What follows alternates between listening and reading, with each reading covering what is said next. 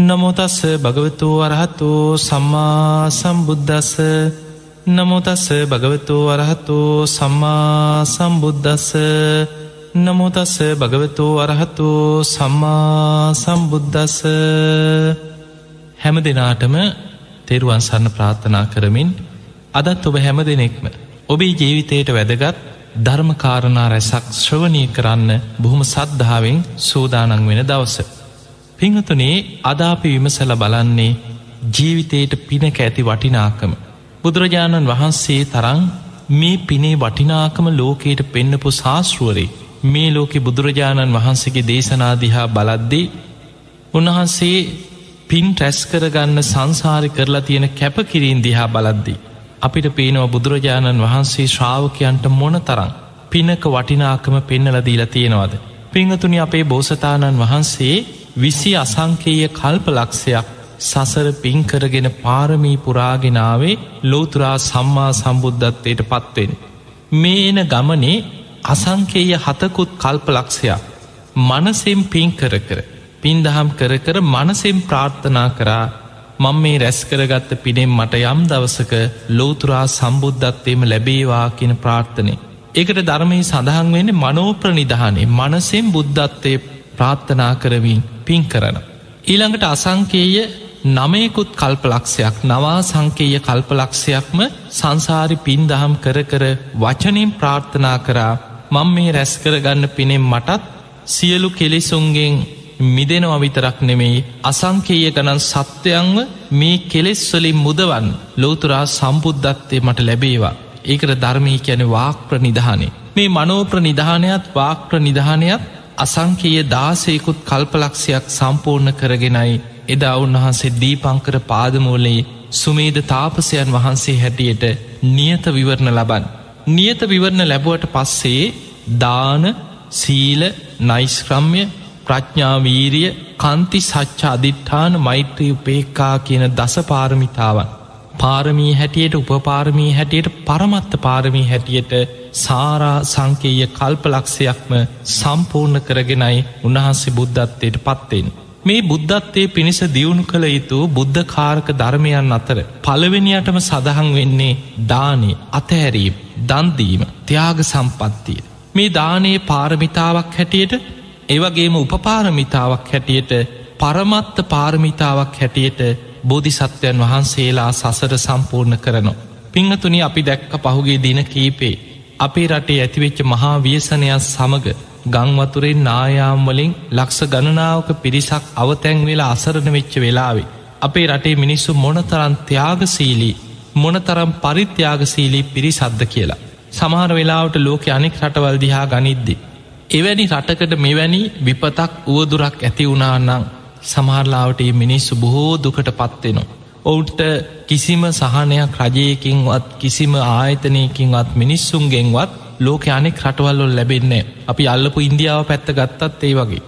නමුත් ලංකාවේ මේ තෙරුවන් සරණ ගිය පිනේ වටිනාකම දන්න උනුවෙන හදවත් ඇති මේ මනුස්සයන් ජීවත්වෙන මේ රටේ අපි දැක්ක හැම කෙනාම උස් පහත් බේදයක් නැතුව තමන්ට කරන්න පුළුවන් හැම ආකාරයකින්ම මොනවා හෝ දෙයක් දන් දෙන්න පින්දහම් කරන්න ආහාර සකස් කරලා ගිහින් දෙන්න වියලි බාණ්ඩවලින් උදව්පකාර කරන්න මේ මනුස්සයංක අර අසරණ වෙච්ච මිනිස්සු වෙනුවෙන් නොඒක් විදිහට පින්දහම් කරන්න මිනිස්සු ඉදිරිපත් වුණ.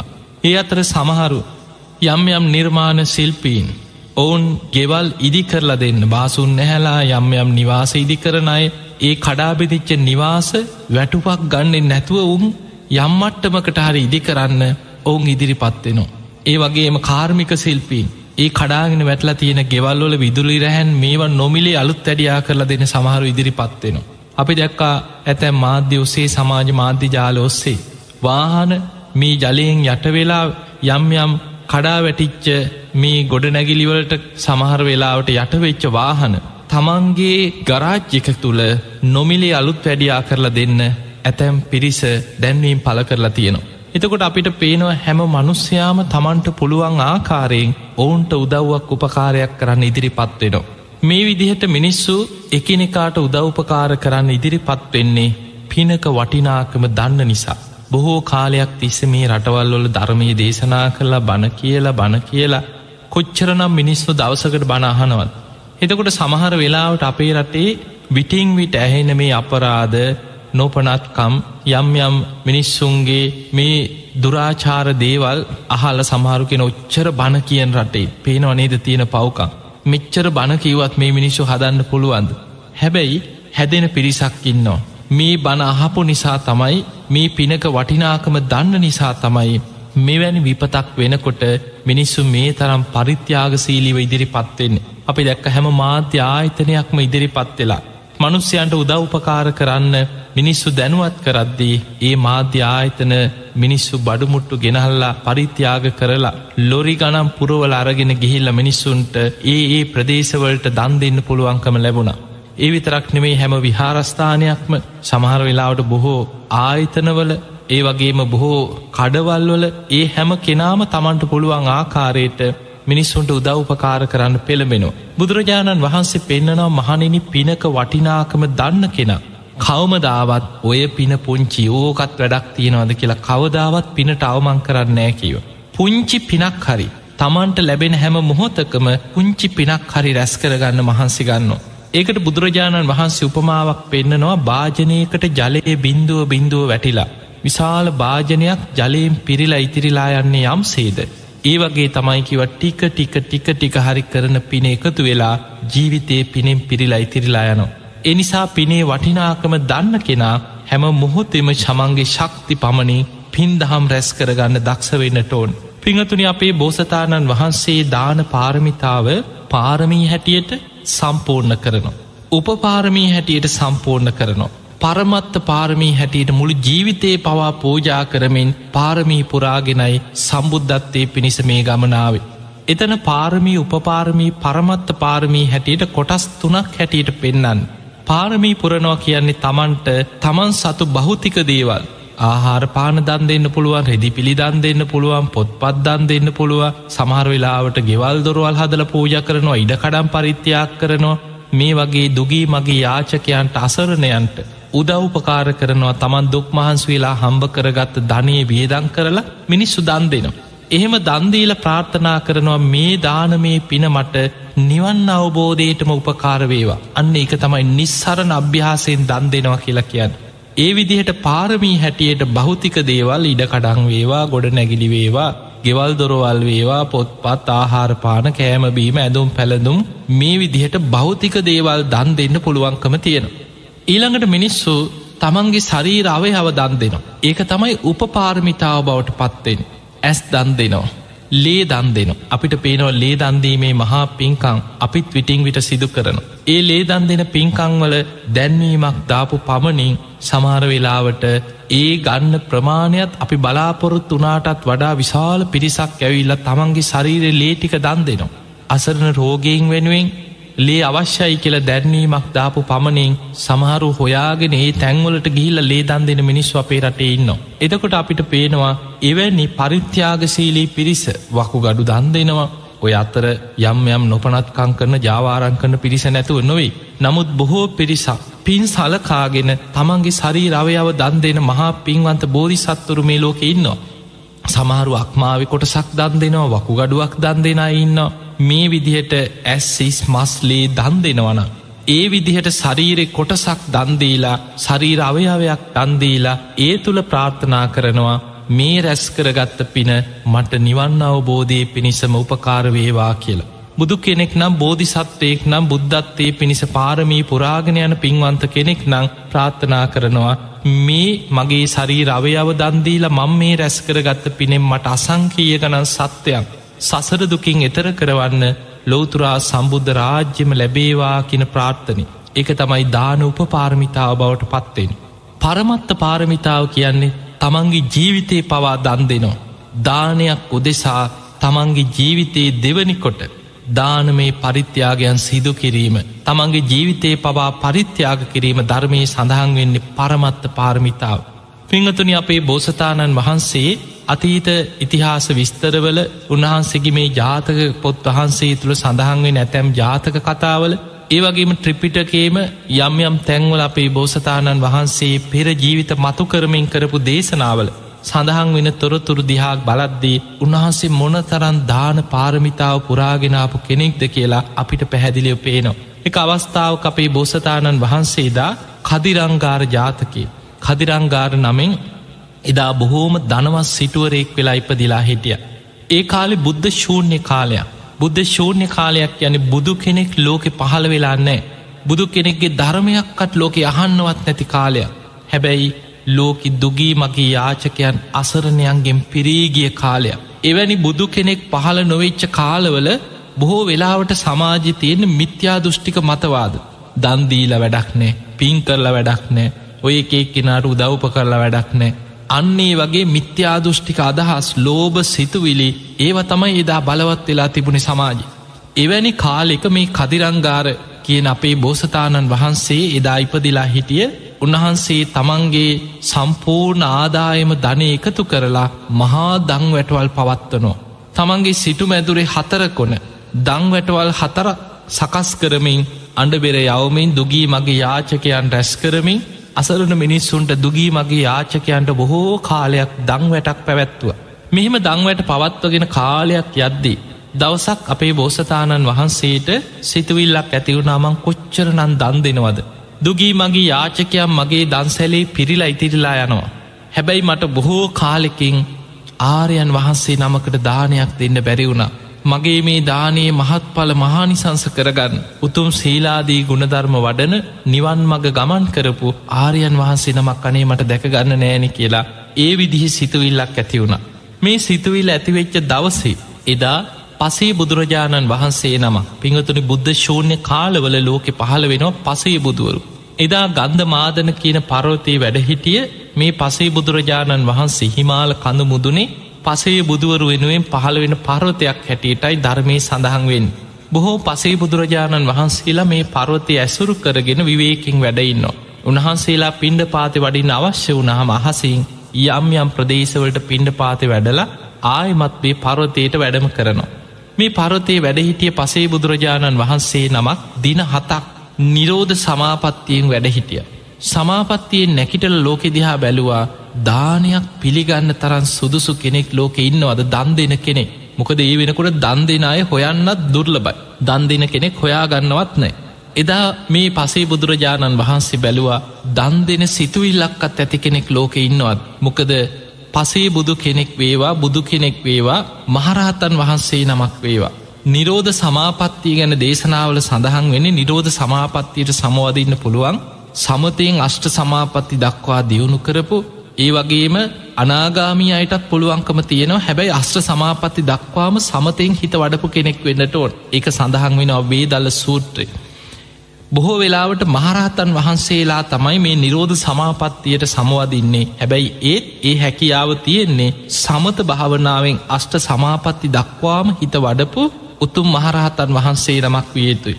එවැනි මහරහතන් වහන්සේලාට නිරෝධ සමාපත්තියට සමවාදින්න පුළුවන්කම තියෙන. මේ නිරෝධ සමාපත්තියට සමවදිනවා කියන්නේ දින හතක් කිසිම ආහාරයක් නැතුව සමාපත්ති සුවේම සමාපත්තිය කියන එතන නිවන අරමුණු කරගෙන නිවනම තුළ තියෙන සැපය විඳිමින් උන්වහන්සේ බ දින හත තුළ උන්වහන්සේගේ ආශවාස ප්‍රශ්වාස නිරුද්ධ වෙනවා. එක සඳහන් වෙන වේදල්ල සූත්‍රයේ මළමිනියකුත් මිය පරලව ගිය ශරීරයේ ආයුෂ උණුසුම විඤ්ඥානයේ බැහැරවෙච්ච මලකුණකුත් මරණයට පත්වෙච්ච මෘත ශරීරයකුත් නිරෝධ සමාපත්තියට සමවැදිච්ච කෙනෙකුත් අතර ශරීරයේ තියෙන වෙනස්කං මේ දේශනාව පෙන්න්නනවා. මළමිනිියක ස්භාවේ තමයි ශරීරය උණුසුම බැහැරවෙලා. හැබැයි නිරෝධ සමාපත්තියට සමවැදිච්ච කෙනෙක්කුගේ ශරීරය උණුසුම බැහැරවෙලා නෑ උණුසුම පවතිනෝ. මළමිනිියක විඤ්ඥානි ශරීරය අතහැරල ගිහිල්ල. මේ සතර මහධාතුන්ගෙන් හටගත්ත මේ කය ඕලාරික ශරීරය අතහැරල විඤ්ඥානි බැහැරවෙලා. හැබැයි නිරෝධ සමාපත්තියට සමවැදිච්ච කෙනාගේ විඤ්ඥානයේ කය අතහැරල බැහැරවෙලා නෑ. ආවිසත් තියනවා. හැබැයි මළමිනිිය කායුෂ අවසන් වෙලා. නමුත් ආශවාස ප්‍රශ්වාස නිරුද්ධයි. එතකොට මේ වගේ මේ මළමිනිියකත් ඒ වගේම නිරෝධ සමාපත්තියට සමවැදිච්ච උතුම් මහරහතන් වහන්සේ නමකගෙත් අතර වෙනස දේශනාවල සඳහන් වෙනවා. මේ නිරෝධ සමාපත්තියට සමවැදිච්ච කෙනෙක් දින හතක් ඒ ඉරියව්වෙන්ම උන්වහන්සේ නිරෝධ සමාපත්තියෙන් කිසිම ආහාරයක් මොකුවත් නැතුව සමාපත්තියම වැඩඉන්න.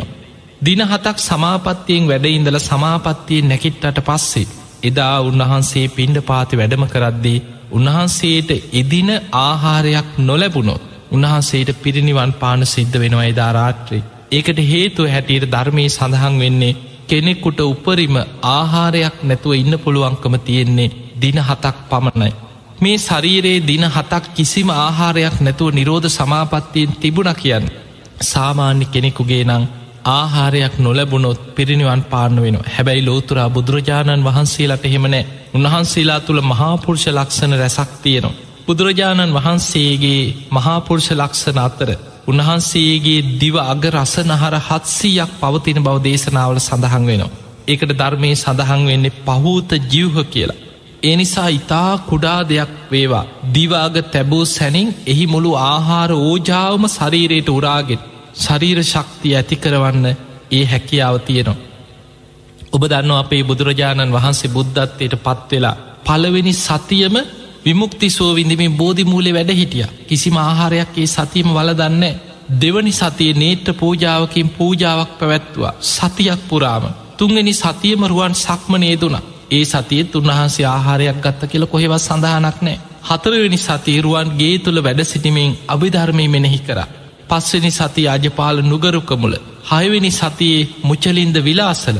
හත්වෙනි සතියේ ප්‍රාජායතන කියන කිරි පලුරුක්කමුලදී අන්න එතනදි තමයි තපස්සු බල්ලුක කියන වෙළඳ සොහයුරම් මුණ ගැහිලා. තමන් සතුව තිබිච්ච විලඳ මී පිඩු සහිත ආහාර දානයක් බුදුරජාණන් වහන්සේට පූජා කරන්න. ඒ තමයි බුද්ධත්වයෙන් සති හතකට පසුව තමයි උන්වහන්සේ බුදු වෙලා මුලින්ම ආහාරයක් ගන්නේ විලඳ මී පිඩු සහිත දානෙ. හැබැයි සාමාන්‍ය කෙනෙකුට ඒ විදිහ නෙමේ සාමාන්‍ය ශරීරයක් නං මහරහත්තන් වහන්සේ නමකගේ වේවා පසේ බුදු කෙනෙකුගේ වේවා නිරෝධ සමාපත්තියෙන් නැකිටලා පින්න පාති වැඩම කරදදි දානයක් නොලැබුණොත් පිරිනිවන් පාන්න වෙන බව මෙවී දල්ල සූට්‍ර සඳහන් වෙනවා. එදා මේ පසේ බුදුරජාණන් වහන්සේ බැලුවා දානයක් පිළිගන්න සුදුසු කෙනෙක් ඉන්නවද එහෙම නැත්නම් අද රාත්‍රී පිරිනිවන් පානවද කියල බලද්දී දානයක් දෙන්න සුදුසු මහා පින්වන්ත පාරමී පුරාගෙන යන අපේ බෝසතාණන් වහන්සේදා කදිරංගාර නමින් ඉපදිලා දංවැටවල් පවත්වන බෝසතාණන් වහන්සේ දැක්ක. එදා පසේ බුදුරජාණන් වහන්සේ පාත්තරය අරගෙන ගන්ධමාදන පරවතයෙන් අහසට පැන නැගලා අහසිම්ම මේ සිටුවරයාගේ සිටු මැදුර ඉදිරියේ මිදුලට වැඩම කරා. සේවකයන් දැක් ආරයන් වහන්සේ නමක් අහසිම් පාත්තරයක් අරගෙන වැඩිය. දුවගෙන ගිහිල සිටතුමාට කිව සිටතුමනේ අදනං ඔබේ අදහස සියල්ලෙන් සියල්ල සම්පූර්ණයි. ඔබ මහා පින්වන්ත කෙනෙ අන්න ආරයන් වහන්සේ නමක් අහසිම් පාත්තරයක් අරගෙන වැඩිය. ඔබ හිත හිතානේද හිටි අනේ මට මහත් පල පහනිසංස කරගන්න පිනක් කරගන්න බැරි වුණ මං මෙච්චර දුගී මගේ යාචකයන්ට දන් දෙනවා මට සිල්වත් ගුණුවත් ධර්මාවබෝධයක් ලබපු ආරයන් වහන්සේ නමක් මුණ ගැහුන් නෑ කියලා සිටතුමා පසු තැවී තැවිනේද හිටිය අන්න අද ඒකට අවස්ථාව ලැබුණකිව. පුදුමාකාර සතුටක් ඇති වුණ. ඉක්මනටම දානි භාජනය අතට අරගෙන තමන් රැස් කරගන්න සූදානන් වෙන පින ගැන සිහි කර කර මිදුලට ගිහිල්ලා අර පසේ බුදුරජාණන් වහන්සේට දානටික පූජා කරන්න ළඟට යන්න හිතාගෙන මිදුල ඉදිරියට අඩිය තියෙනකොටම පසේ බුදුරජාණන් වහන්සේ ඒ කදිරංගාර නමින් එදා ඉපදිලා හිටි අපේ බෝසතාණන් වහන්සේත් අතර විශාල ගිනි වලක් මැවුණ. පොළොව ඇතුළෙන් ලෝදිය මතුවෙනවා වගේ විශාල ගිනි ජාලාවල් උඩට මතුවෙනවා. මිනිස්සු බයේ කෑග ගහ සීසීකට දුවන්න පටන්ගත්. අර හතර කොනේ දන්සැල්ලොල පිරිලා ඉතිරලා හිටපු මිනිස්සු බියෙන් තැතිගෙන කෑග ගහදුවන්න පටන්ගත්ත. එදා අපේ බෝසතාණන් වහන්සේ දානෙ භාජනය අතේතියාගෙන විමසල බැලුවා මං කොච්චර සද්ධාවෙන්ද මේ දන් දෙන්න උත්සා කරේ කෞද මේ ගිනිවල මැව්වේ මං නිති පන්සිල් රකින කෙනෙක්. මං පෝයට තනියම හෝ උපෝ සතය ආරක්ෂා කරන කෙනෙක්. අම් මේ විදිහට දංවැටවල් පවත්වන කෙනෙක්. මං මේ දන් දෙන්නේ ලෝතුරා සම්බුද්ධත්වය පිණිසමයි මේ ගිනිවල මවපු පුද්ගලයා මට මන් රැස් කරගත්ත පිනෙන් ඇයි මේ ගිනිවල මැව්වෙ කියලා මට දැකගන්න ලැබේවා කියලා අධිෂ්ඨාන කරලා අහස දිහා බලද්දී වසවර්ති මාරය අහස පෙනී හිටිය. එදා කදිරංගාර නමින් ඉපදිලා හිටිය අපේ බෝසතාන් වහන්සේ හනවා ඔබද මේ ගිනිවල මැවි ඔවු මමයි කිවා. ඇයි මේ ගිනිවල මැව්යි පසේ බුදුරජාණන් වහන්සේට ඔය ශිවරයන් වහන්සේගේ දානි වලක් වන්නයිකිව ගිනිවල මැව්යි. ඇයි ඔබ දානි වලක් වන්නේ අද දානේ වැලැක්වොත් උන්වහන්සේට පිරිනිවන් පාන්න වෙනවා. අන්නේ නිසා උන්වහන්සේය පිරිනිවන් පාවන්නයි මං ඔයි දානි වලක්වන්න හදන්න කියෝ. එද අපේ බෝසතාණන් වහන්සේ දානෙ පාත්තරය අර භාජනය අතේ තියාගෙන පුදුමාකාර අධිෂ්ඨානයක් ඇති කරගත්තා. මම දැන් මේ ගිනිවලට පනිනෝ. මගේ ශරීරය උඩුකුරුණත් යටිකුරුණත් මෙතනම දැවිල පිළිස්සුනත් කමක් නෑ. ඒ දැවෙන ගිනි දැල් අතර වේදනාව විඳගෙන හරි මට මේ ආරයන් වහන්සේගේ පාත්තරයට මේ දානය ටික පූජා කරගන්න ලැබේවා මේ පිනේ මේ පරිත්‍යයාගේ මට මතු ලෝතුරා බුද්ධත්වයම ලැබේවා කියලා පැන්න අර ගිනිවලට. එදා අපේ බෝසතාණන් වහන්සේ මෙවැනි ජීවිත පරිත්‍යාගයක් කරලා දානයක් වෙනුවෙන් දානි භාජනය අරගෙන ගිනිවලට පනිනකොට උන්වහන්සේ සසරි මහා පින්කරගෙන පාරමී පුරාගෙන දන්දෙමින් ලෝතුරා බුද්ධත්වය පිණිස යන ගමනේ. සම්බුද්ධත්වයට පත්වෙන ආත්මේ ඉපදිච්ච ගමම් තබන පියවරෙන් පියවර පොළුවෙන් නෙළුම්මල් මතුවෙන්න තරම් මහා පින් ඇති මේ බෝසතාණන් වහන්සේ. දානි භාජනය අරගෙනේදා ගිනිවලට පනිනකොටම අර ගිනිවල ඇතුළෙන් නෙළුම් මලක් පැනනැක්ක උන්වහන්සේගේ මේ පාරමී බලේ. වැටුනේ ගිනි අඟුරු වලට නෙමෙයි ගිනි අඟුරු වලෙන් මතුවෙච්ච විශාල රිය සකක් තරම්. දේශනාවේ සඳහන් වෙන කරත්ත රෝධයක් තරම් විශාල නෙළුම් මලක් ඉබේම පොළුවෙන් පහළ වනා කියෙන්. මේ නෙළුම් මල මතට තමයි උන්වහන්සේ පනිනකොට වැටුනේ. මේ නෙළුම් මල උන්හන්සේවත් රැගෙන අර ගිනි වලෙන් උඩට මතු වෙනකොට මේ මළමත්තම වැඩ ඉඳගෙන සාධකාරදිදී අරාරයන් වහන්සේට දානය පූජා කරා.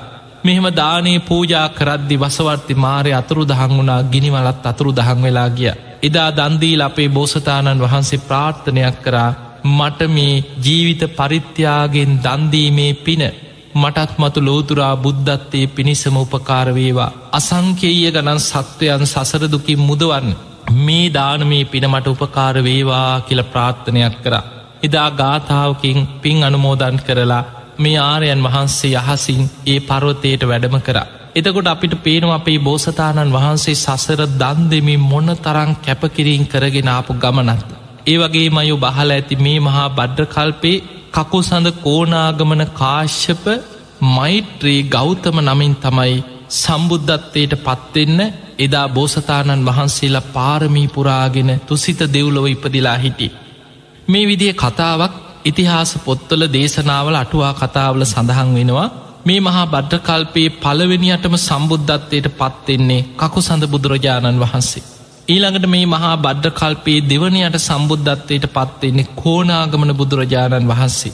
ඊළඟට මේ මහා බද්ධ කල්පයේ තුන්වෙනුව සම්මා සම්බුද්ධත්වයට පත්වෙන්නේ කාශ්‍යප බුදුරජාණන් වහන්සේ. හතරවෙනියට සම්බුද්ධත්වයට පත්වෙන්න පිළිවලින් පෙරුම්පුරාගෙන පාරමී පුරාගෙන ඇවිල්ල තිබුණේ මෛත්‍රී බුදුරජාණන් වහන්සේ. පස්වනියට තමයි කියන අපේ ගෞතම බුදුරජාණන් වහන්සේට බුදුවෙන්න තිබුණේ.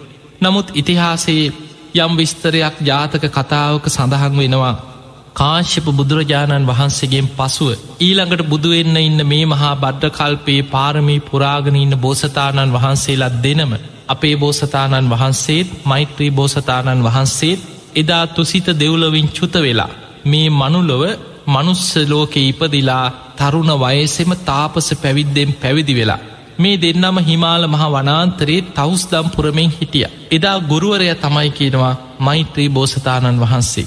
ගෝලය වෙලා හිටි අපේ බෝසතාණන් වහන්සේ. මේ ගුරුවරයයි ගෝලයයි දෙන්නම හිමාල මහ වනාන්තරයේ තවුස්දම් පුරමින් හොඳට බණ භාවනා කරගෙන තාපස ජීවිතයක් ගත කරගෙන හිටිය.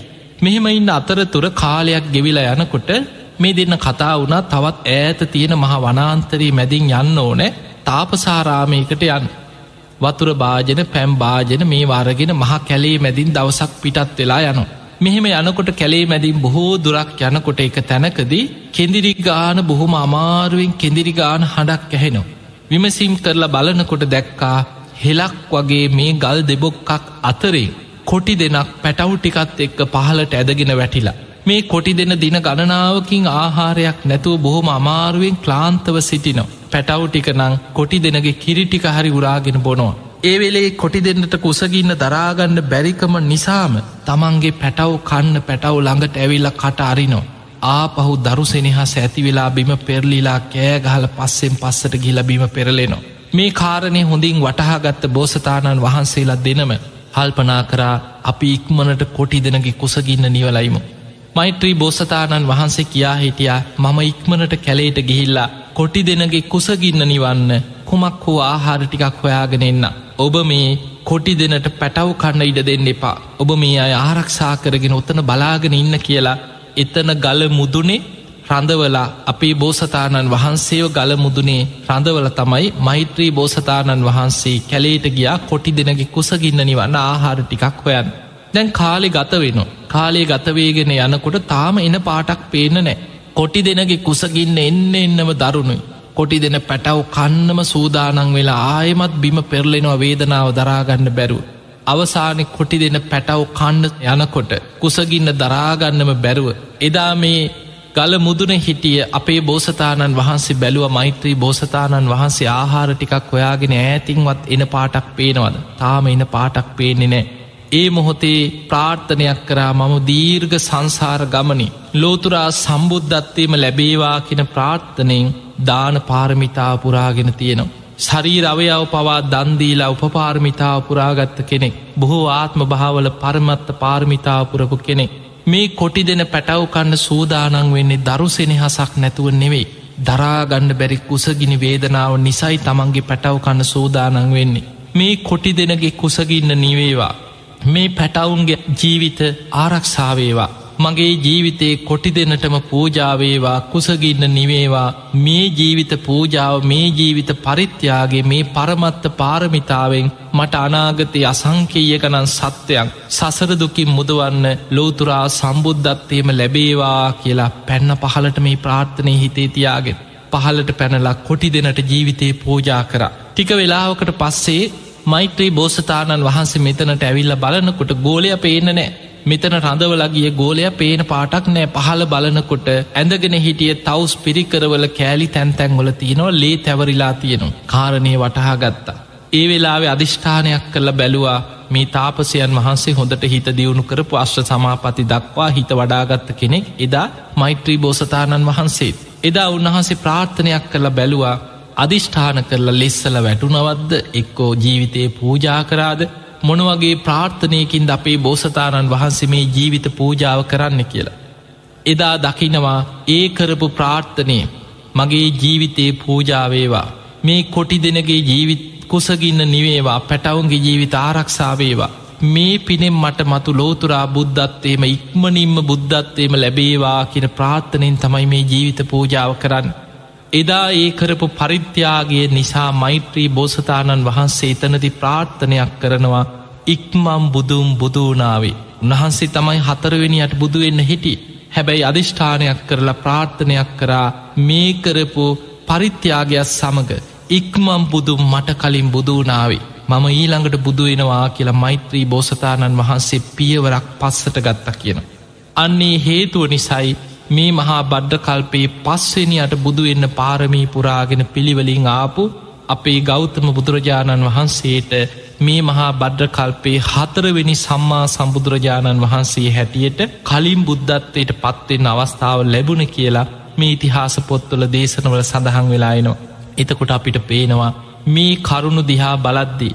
මොන තරන්නන් දාන පාරමිතාව පුරාගෙන පරිත්‍යාග කරගෙන පරමත්ත පාරමී පුරාගෙනාපු ගමනක්ද අපේ බෝසතාණන් වහන්සේ මේ සම්පූර්ණ කරගෙන බුද්ධත්වයට පත්වෙන්. ඔබ විස්සන්තර ජාතකය අහල ඇති. දන් දෙන්නම ඉපදි චාත්මේ. ඉපදිච්ච ගමන් කතා කරපු එකාත්මය. එදා කුසතිී දේවියගේ කුසෙන් ඉපදිච්ච වෙලාවෙම අම්ම දිහා බල ලහන්නේ අම්මේ දන් දෙන්න මොකුත් නැද්ද. එදා දහසක් බැඳි රන් කහවනු පොදියක් පුංචි පුතාගේ අතට ලංකරනකොට මේ වෙස්සන්තර නමින් ඉපදිච්ච මේ පුංචි කුමාරයා අර ඉපදිච්ච මොහොතෙම තමන්ගේ අත් දෙකින් අල්ල ළඟහිටිය අම්ම කෙනෙකුට මේ රන් කහවනු පොදිය දිකු කරා කියනු. මේ විදිහට දන් දෙන්නම ඉපදි චාත්මේ හත්වාරයක් වෙස්සන්තරාත්මි දන් දෙනකොට මහපොලෝ පවා ගිගුරුන් දෙමින් කම්පාවට පත් වනා. මේ වෙස්සන්තර ආත්මි දන් දෙන හැටි අහගෙන ඉන්න කොටත් මුළු ඇඟම හිරිවැටෙනවා මෙහෙමත් දන් දෙන්න පුළුවන් දෝ කියලා. ඒ විදිහට දන්දීල දන්දීල තමයි දාන පාරමිතාව සම්පූර්ණ කරගෙන පාරමී උපපාරමී පරමත්ත පාරමිතා සම්පූර්ණ කරගෙන. අපේ බෝසතාණන් වහන්සේ සම්මා සම්බුද්ධත්වයට පත් වනේ. බුද්ධත්වයට පත්වෙච්ච අපේ බුදුරජාණන් වහන්සේ. උන්වහන්සේ ශ්‍රාවකයන්ට භික්ෂු භික්‍ෂුණී උපාසක උපාසිකාවන්ට පෙන්නල දුන්නේ මහනෙනි දානෙක වටිනාකම මේ ලෝකෙ මිනිස්සු දන්නවනම් බුදුරජාණන් වහන්සේ නමක් තරන් දානෙ වටිනාකම මේ ලෝකෙ මිනිස්සු දන්නවන්නම් තමන් කොයි තරං කුසගින්නෙන් ඉඳලා ඉඳලා තමන්ට ලැබෙන බත් පතෙන් කොටසක් හරි සතෙක් වෙනුවෙන් හරි දන්නොදී ආහාර ටිකක් හරි සතෙකුට හරි නොදී තනියෙන් ආහාරගන්නෑ කියනවා දානි වටිනාකම දන්න කෙන. ඒ නිසා මහනිනි හැම මුහොතෙම මේ පින පුංචී කියල පිනට අවමං කරන්න එපා කියනු. හැම මොහොතෙම පිනක් කුසලයක් රැස් කරගන්න කියලා බුදුරජාණන් වහන්සේ පිනේ වටිනාකම පෙන්නල දුන්න. අපි දැක්කා පසුගිය දිනවල මේ පිනේ වටිනාකම මනුස්සයන්ට මොන තරන්නම් මිනිස්සුන්ගේ හදවතින් මතුවෙච්ච වෙලාවක්. තමන්ගේ ආහාර පත පවා තමන්ගේ බත් එක පවා දුගී මකී අසරණයන්ට දන් දෙන මිනිස්සු මේ ලෝකෙ ඉන්නවා. ඒ වගේම ගංවතුරේ නායාංවලින් විපතට පත්වෙලා බොහොම අසරණ වෙච්ච වෙලාවේ තමන්ගේ ආහාර පාර්සලය දන්දීප මිනිස්සු හිටිය. තමන්ගේ ගෙදර තියෙන උයාගන්න තියෙන බඩුමුට්ටු ටික එකතු කරලා ඉක්මනට ගිහිල්ලා මේ බඩුමුට්ටු එකතු කරන තැන්වලට පරිත්‍යාක් කරපු මිනිස්සු හිටිය. අපි දැක්ක සමහර ඡායාරූපවල පාරවල්වල හිඟමනය යනය පවා තමන්ට සිංගමනය ගිහිල්ල ලැබිච්චදේ අරාධාර එකතු කරන අයිළඟට ගිහිල්ලා දන් දෙන මිනිස්සු හිටිය.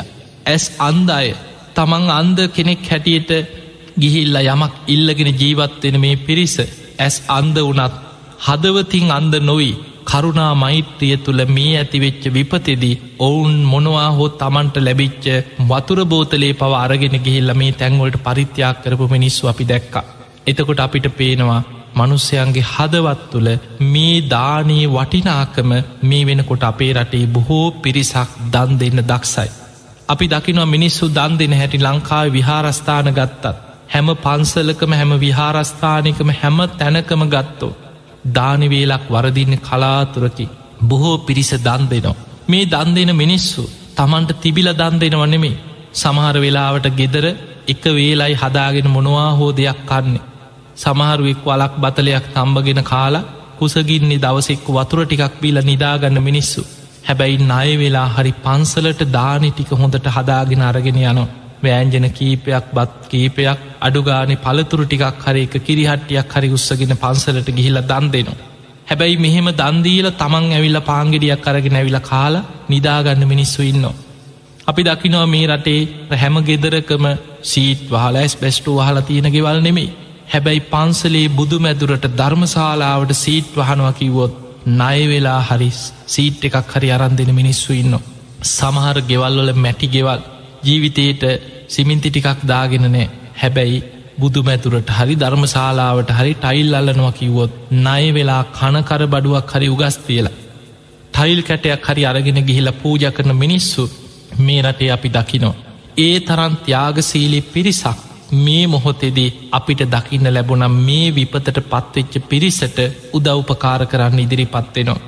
පිංහතුනේ බුදුරජාණන් වහන්සේගේ ධර්මය තුළ සඳහන් වෙනවා පුංචි පිනක් කරත් ඒවැය විපාක කෙනෙක්ගේ ජීවිතයේ විශාල වසයෙන් බලවත් කරගන්න පුළුවන්කම තියෙනවා. පින කියලක් යනේ සංසාර ගමනේ සැප ලබා දෙන දේවත් පුඤ්ඥානි නාම සුකස්සේතං අධිවච්චනන් කියන. පින කියලා කියන්නේ සැපේට කියන තවත් නම. ඒ නිසා සංසාරයේ බුදුරජාණන් වහන්සේ පෙන්නනවා අනුගාමික පුුණ්‍ය නිධානයක් රැස් කරන්න කියනවා. සසර ගමනින් නිවන් දකිනකන් තමන්ට විපාක දෙන්නේ තමන් රැස් කරගන්න පින. ඒක මෙලවින් අවසන් වෙන නෑ දැන් ඔබ දන්නවා සතර මහා නිධාන ගැන බුදුරජාණන් වහන්සේ දේශනා කර. ඒ තුළ උන්වහන්සේ පෙන්න්නනවා සමහරු ජීවිත කාලිම රැස් කරනවා ස්ථාවර නිදහන් ගෙවල් දොරවල් ඉඩ කඩං ගොඩ නැගිලි මහපොළුවේ පිහිට ස්ථාවර දේවල් රැස් කරගන්න මට මෙච්චර දීපල තියනවා මට මෙච්චර ව්‍යාපාරතියනවා මට මෙච්චර ගෙවල් දොරවල් තියෙනවා එහෙම හිතාගෙන ස්ථාවර නිධාන රැස් කරගෙන ඒව සහිකර කර සතුටෙන් ඉන්න උත්සා කරන මිනිස්සු ඉන්න. හැබැයි ඒ ස්ථාවර නිධාන ගින්නට සාධහරණයි. ගින්නෙන් සියල්ල විනාස වෙන්න පුළුවන්. ජලයට සාධහරණයි. ජල ගැලීමකින් මුහුදු ගොඩ ගැලීමකින් ගංවතුරකින් සියල්ල විනාස වෙලා යන්න පුළුවන්. ඒවගේම භූමි කම්පාවකින් සියලු ගොඩ නැගිලි බිමට සමතලා වෙන්න පුළුවන්. ඒවගේම සුලි සුළඟකින් මේ සියල්ල විනාස වෙලා යන්න පුළුව ස්භාව ධර්මයට සාධහරණ. ඊළඟට බුදුරජාණන් වහන්සේ වදාළ සමහරු ජංගම නිධාන යන යන්න තැන අරගෙන යන්න පුළුවන් වටිනාවස්තුව රැස් කරන. රන්ද්‍රයිදී මුතුමැනි හැබැයි අපි දැක්කා සමහරුන්ට ගෙවල් දොල කොච්චර මේවා සල්ලි හංගපු තැන් ඇති. ඒ වගේම වටිනා මුතු මැනික් වර්ග රැස්කරගෙන රත්තරම් බඩු දාගෙන හිටපු මිනිස්සු. මේ ස්භාව ධර්ම ඉදිරියේ සමහරුන්ට ඇඳිවත පමණ ඉතිරි වුණේ. අද සමහර වෙලාවට මේ ගෙවල් තිබ්බ තැනක්කත් හොයාගණ්ඩ බැරුව පස්වලට යට වුණ. බොහෝ දෙනෙගේ ජීවිත විනාස වුණ සමහරු යන්තන් ජීවිත බේරගෙන ඇඳිවත පමණක් ඇතුව ජීවිතයේ බේරගත්ත. එතකොට අපිට පේනවා මේ බෞද්ධික දේවල් මොන තරං ගොඩ නැගුවත් මේවා සුළු මොහොතකින් විනාස වෙලා යන්න පුළුවන් ස්භාව ධර්මය ඉදිරි. හැබැයි බුදුරජාණන් වහන්සේ පෙන්න්නන්නේ මහනෙන පින කියන්නේ. ගින්නෙන් විනාස කරන්න පුළුවන් දෙයක් නෙමේ. කෙනෙක් රැස් කරගන්න පින ජලයෙන් විනාස කරන්න පුළුවන් දෙයක් නෙමේ සුළඟින් විනාස කරන්න බෑ. තමන් රැස්කරගත්ත පින මෙලොව විපාකදීල අවසන් වෙන්නේ නෑ.